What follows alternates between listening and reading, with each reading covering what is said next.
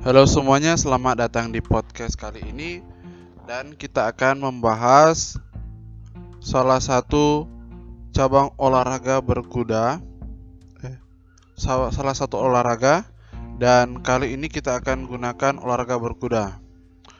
Nah, berkuda bukan hanya tentang racing ya. Jadi bukan hanya tentang racing. Tapi ada beberapa macam perlombaan. Nah, olahraga berkuda atau pacuan kuda yang meliputi pengertian sejarah teknik dasar. Jadi kita akan mengenali berbagai jenis ya, peraturan, jenis, nomor-nomornya, peralatan dan perlengkapan dan ukuran lapangan berkuda atau pacuan kuda. Cabang olahraga berkuda atau sering juga disebut dengan pacuan kuda adalah olahraga berkuda yang sudah ada sejak berabad-abad yang lalu. Kuda dilatih untuk berpacu menuju garis finish atau garis akhir melawan peserta lain. Contohnya adalah balap kereta kuda yang populer di zaman Romawi kuno. Di kalangan masyarakat Nordik juga dikenal pacuan kuda milik Dewa Odin dengan raksasa Hrungnir dalam mitologi mereka. Pacuan kuda sering kali tidak dapat dipisahkan dari judi. Konotasinya tetap, tapi olahraga ini sudah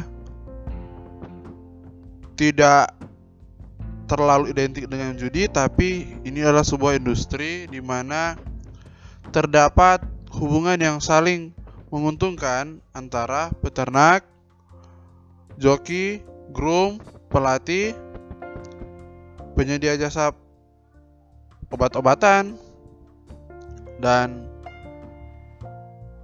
mampu melahirkan beberapa profesi seperti joki, pelatih, dan groom. Olahraga ini sering disebut sebagai olahraga raja-raja. Salah satu bentuk utama dari pacuan kuda yang populer di banyak bagian dunia sekarang adalah pacuan kuda dengan menggunakan ras yang sebelum di podcast sebelum kita laksanakan podcastnya yaitu yang saya sudah bilang-bilang bahwa ras yang dipergunakan mayoritas adalah ras thoroughbred. Kuda pada awalnya hanya digunakan manusia sebagai sarana transportasi. Namun seiring perkembangannya, kuda zaman sekarang lebih sering digunakan untuk kegiatan sport atau kegiatan olahraga ataupun sebagai sarana rekreasi. Nah, olahraga berkuda adalah suatu aktivitas di mana manusia mampu menunggangi, mengendarai, melompat, atau berlari dengan menggunakan media hewan kuda. Berkuda merupakan olahraga yang memilih yang memiliki tingkat kesulitan yang cukup tinggi. Dalam hal ini, seorang atlet harus memiliki keseimbangan yang baik saat menunggang koordinasi yang baik, serta penguasaan teknik dasar berkuda, keserasian saat menunggang, dan kemahiran dalam mengendalikan kuda. Teknik dasar olahraga berkuda. Hal pertama yang dipelajari dalam menunggangi kuda adalah cara duduk yang benar. Jadi ini sesuai dengan pedoman ya. Dilansir dari materi olahraga.com. Agar penunggang dan yang ditunggangi merasa nyaman, berat badan penunggang kuda berada di atas punggung kuda. Kuda digerakkan menggunakan betis dan diberhentikan dengan menarik tali tuntunan. Longer adalah berlatih berputar mengelilingi pelatih yang membantu mengendalikan kuda memakai tali panjang kurang lebih 7 meter yang dihubungkan ke bagian mulut kuda atau yang biasa disebut dengan longser. Teknik untuk penunggang kuda pemula diharuskan menguasai tiga teknik dasar gaya berjalan, yaitu walk, trot, dan canter. Kalau walk adalah dasar untuk menunggangi kuda. Walk adalah gaya berjalan kuda yang paling lambat. Seorang penunggang dasar harus diwajibkan untuk menguasai teknik berjalan ini. Kalau trot adalah teknik berlari kecil yang lebih cepat dari walk. Kesulitan dalam trot lebih tinggi daripada wall karena penunggang diharuskan menggerakkan badan menyesuaikan dengan gerakan kuda. Selanjutnya ada canter. Di antara ketiganya, canter adalah teknik berjalan yang paling cepat. Sama seperti trot, penunggang diharuskan menggerakkan badan menyesuaikan dengan gerakan kuda. Teknik ini lebih sulit karena penunggang harus bisa menyeimbangkan badan ketika kuda berlari dalam kecepatan tinggi. Adapun jenis-jenis dalam cabang olahraga berkuda adalah sebagai berikut. Yang pertama, polo berkuda. Objek dari permainan ini adalah memasukkan bola ke gawang musuh dengan memakai tongkat kayu. Masing-masing tim terdiri dari empat orang pemain, di mana setiap pemain berada di atas kuda. Selanjutnya adalah Gymkhana berkuda. Gymkhana adalah permainan berkuda yang kebanyakan dilaksanakan oleh penunggang remaja dan dalam kecepatan tinggi penunggang berjuang melewati atau mengitari rintangan yang biasa disebut dengan barrel race atau mengerjakan permainan-permainan lainnya dengan menggunakan kuda. Equestrian atau ketangkasan berkuda. Nah, equestrian ini meliputi empat nomor. Yang pertama adalah tunggang serasi, lompat rintangan, trilomba, dan endurance. Nah, nomor-nomor dalam berkuda. Olimpiade 1924 adalah pertama kalinya kompetisi berkuda berada di bawah naungan FEI. Ada tiga disiplin dalam cabang olahraga berkuda yang diperlombakan di Olimpiade tersebut, yaitu dressage atau tunggang serasi, show jumping, lompat rintangan, dan eventing, Nomor dressage. Dressage atau drissak atau dressage atau tunggang serasi adalah disiplin pada cabur berkuda yang mana atlet harus dapat mengendalikan kuda untuk melakukan gerakan tertentu. Dalam dressage, kuda dan penunggangnya harus melakukan serangkaian gerakan yang diberikan nilai antara 0 sampai 10. Seperti dalam olahraga senam lantai atau gimnastik. Nomor ini cocok untuk penunggang yang menyukai berkuda keindahan dan keluasan, di mana penunggang akan melatih kudanya melakukan manuver gerakan rumit dengan isyarat tangan, kaki, atau kecondongan berat badan. Selanjutnya ada show jumping. Show jumping atau lompat rintang adalah disiplin yang di mana kuda dan penunggangnya harus menyelesaikan lintasan yang telah ditentukan tanpa menjatuhkan rintangan. Lintasan dalam show jumping ya, jadi rin, lintasan dalam show jumping berbeda-beda dan dapat menyesuaikan tingkat kesulitan lintasan dengan jenis atau level pertandingan. Nomor ini cocok untuk penunggang yang suka beraksi. Selanjutnya adalah eventing. Eventing adalah triathlon atau tiga lomba dalam equestrian, yaitu pertandingan kombinasi yang mengandalkan pengalaman penunggang dalam semua nomor berkuda. Nomor ini cocok untuk penunggang yang punya bakat atau kemampuan berbagai nomor. Selanjutnya adalah endurance. Endurance adalah kompetisi maraton untuk para penunggang kuda dengan menguji ketahanan fisik kuda serta penunggangnya dalam melintasi berbagai permukaan dengan jarak yang jauh. Jadi pengalaman awal dalam masuk di kuda sangat penting sehingga mampu menguasai berbagai jenis lomba. Nah, sejarah olahraga berkuda. Olahraga berkuda memiliki sejarah yang panjang. Olahraga ini telah ada sekitar 5000 tahun yang lalu. Manusia purba sudah menganggap kuda sebagai hewan ternak. Kuda digunakan untuk mengangkut barang dan tak jarang untuk ditunggangi. Bahkan kuda juga dijadikan sebagai bahan makanan. Pada zaman Yunani dan Romawi, kuda malah dijadikan sebagai aktivitas berperang. Orang-orang pada saat itu mengandalkan kecepatan kuda sehingga bisa lari dan dari musuh ataupun untuk mengejar musuh dengan cepat. Kuda pada kala itu disimbolkan sebagai simbol kegagahan, simbol keperkasaan.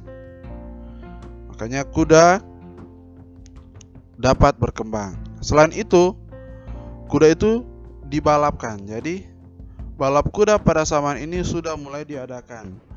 Banyak bukti-bukti arkeologi yang menunjukkan bahwa manusia pada zaman dulu sudah mempraktikkan aktivitas ini, terutama masyarakat Yunani kuno Mesir, Babel, dan Syria. Memasuki masa Renaissance, yaitu sekitar tahun 1300-an, banyak orang yang belajar mendalami seni menunggangi kuda. Bahkan telah banyak didirikan sekolah-sekolah besar di Eropa. Namun biaya untuk belajar olahraga ini sangat mahal. Jadi jujur hobi ini hobi mahal ya. Oleh karena itu, hanya orang-orang bangsawan saja yang bisa menekuninya. Berkuda menjadi olahraga favorit kaum bangsawan di Inggris dan Prancis. Sedangkan sejarah olahraga berkuda di Indonesia sendiri mulai dikenal pada masa penjajahan Belanda. Saat itu, pacuan kuda diadakan setiap ada perayaan besar dan ulang tahun Ratu Belanda. Dari situlah masyarakat Indonesia mulai ikut tertarik dengan aktivitas ini. Sebagai cabang olahraga, berkuda pertama kali di pertandingan pada Olimpiade tahun 1900. Meski sempat ditiadakan di Olimpiade berikutnya pada tahun 1912. Berkuda kembali dipertandingkan sampai sekarang. Berkuda adalah salah satu cabang olahraga di Olimpiade yang di mana pria dan wanita berkompetisi dengan setara. Selain itu, berkuda satu-satunya cabang olahraga yang melibatkan binatang. Federasi internasional dari cabang olahraga berkuda adalah FEI, Federation Equestrian International. Sedangkan Federasi Berkuda Nasional adalah Pordasi, Persatuan Olahraga Berkuda Seluruh Indonesia. Peralatan dan perlengkapan berkuda. Jadi sebelum masa masuk dalam peralatan dan perlengkapan berkuda, ada beberapa hal yang perlu diperhatikan. Jadi sebelum masuk ya, khusus di Pordasi ini terja telah terjadi pergantian pemimpin sejak awal dirumuskannya tentang Pordasi ini. Jadi sebelum Triwati Ibu yang Ibu Triwati ada Bapak Edi Sadak dan sekarang masih jabat Ibu Triwati. Dan selanjutnya masa jabatan 5 tahun dan akan terus ada pergantian dan pemilihan. Nah, kita masuk pada peralatan dan perlengkapan berkuda. Peralatan yang wajib diketahui dan juga sebagai pelindung keselamatan adalah perlengkapan wajib seorang penunggang kuda. Di antaranya sebagai berikut: standar safety helm dan helm. Kemudian sepatu tunggang atau boot, pelindung dada, kacamata atau race, cemeti, celana panjang yang pas agar tidak mudah terjepit dan tidak terlalu span ya. Dan tidak terlalu longgar juga. Sementara itu, untuk kudanya sendiri dibutuhkan peralatan seperti berikut: saddle atau pelana berkuda, saddle pad atau alas pelana kuda, stirrup up atau sanggurdi, adjustable stirrup up straps atau tali sanggurdi, girth atau tali perut atau emben, kemudian head bridle atau sarungan kepala, bite atau kendali besi, reins atau tali kekang, martingale vertikal dan martingale horizontal. Alat ini dipakai untuk mengendalikan kuda. Lead rope atau tali untuk tuntunan kuda. Seluruh peralatan tersebut dibuat secara khusus dan disesuaikan dengan kebutuhan penunggang dan kudanya. Seperti untuk kuda pacu akan berbeda kebutuhannya dengan kuda tunggang biasa, bahkan dengan kuda latihan. Ada berbagai kelas yang dipertimbangkan dan sebenarnya sudah saya jelaskan tentang tiap kelas tiap ketinggian. Sebenarnya di, di Indonesia ada dua jenis kompetisi. Yang pertama menurut ketinggian dan umur. Jadi Indonesia Derby itu sangat berpatokan di umur. Nah, untuk umur mengikuti lomba flat race, 2 tahun mulai mengikuti maiden race dan memiliki grade 1 khusus untuk pemula. 3 tahun bagi kuda yang berhasil di umur 2 tahun dapat mengikuti kejuaraan selanjutnya. 4 tahun merupakan masa transisi. Kuda harus melawan yang lebih tua darinya. Rata-rata kuda 4 tahun kalah di tangan kuda 5 tahun yang telah mahir dari kemampuan maupun usia. Nah, setelah 5 tahun masa keemasan bagi seekor kuda pacu. 6 tahun masa terjadi penurunan. Dan setelah itu ada yang jadi pejantan dan ada yang jadi indukan. Tapi kalau derby 3 tahun ya. Ukuran lapangan kuda.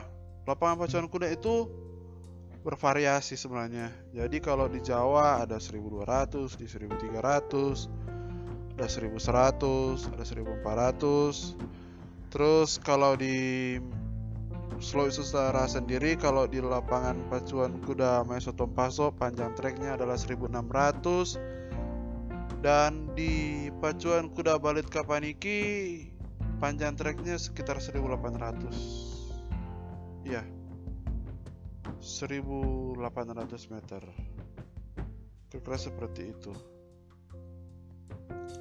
Dan sebenarnya untuk aturan Pordasi tentang ketinggian, Pordasi telah mengaturnya dan setiap tahun diperbaiki. Sebelumnya belum ada kelas F untuk mengakomodir kuda-kuda sandal asli Indonesia yang masih dipertahankan bloodline-nya. Tapi sekarang Pordasi telah memasukkannya dalam nomor lomba yaitu kelas F dan harus sesuai dengan peraturan perdasi ya. Sehingga terjadi kecocokan. Berikut adalah standar pengukuran hasil keputusan Munas Pordasi nomor 8, nomor 13 tahun 2020 kita mulai di kelas non Kejurnas. Kelas J itu 124,1 cm sampai 127 cm. Kelas I 127,1 cm sampai dengan 130 cm. Kelas H 130,1 cm sampai dengan 134 cm. Kelas G 134,1 cm sampai dengan 138 cm. Kelas G, H, I, dan kelas J adalah kelas yang cukup ramai dan mempertandingkan kuda-kuda dengan range tinggi seperti itu dan cukup seru mempertandingkan kelasnya karena berbagai sumber dari berbagai owner yang ada. Nah, kita masuk dan Kelas G, H, I, dan J tidak masuk dalam kelas kejurnas. Nah, bagaimana dengan kelas kejurnas? Kelas A, B, C, D, E, F. Oke. Kelas F tingginya 138,1 cm sampai dengan 142 cm. Kelas S 142,1 sampai dengan 146 cm. Kelas D 146,1 sampai dengan 151 cm. Kelas C 151,1 sampai dengan 156 cm. Kelas B 156,1 sampai dengan 161 cm. Kelas A lebih dari 161,1 cm. Jadi, kalau mau masuk dalam derby harus mempunyai masuk atau masuk dalam interval kelas AB. Jadi minimal untuk masuk derby walaupun juga ada dari kelas-kelas yang di bawah menantang. Kita harus akui itu. Jadi minimal untuk masuk di kelas derby, kuda harus mempunyai tinggi 156,1 karena kelas derby mengakomodir kelas A dan kelas B. Sedangkan untuk kelas remaja ya, kelas remaja kelas C dan D. Jadi minimal 146,1 dan maksimum 156 cm. Seperti itu. Itulah derby remaja.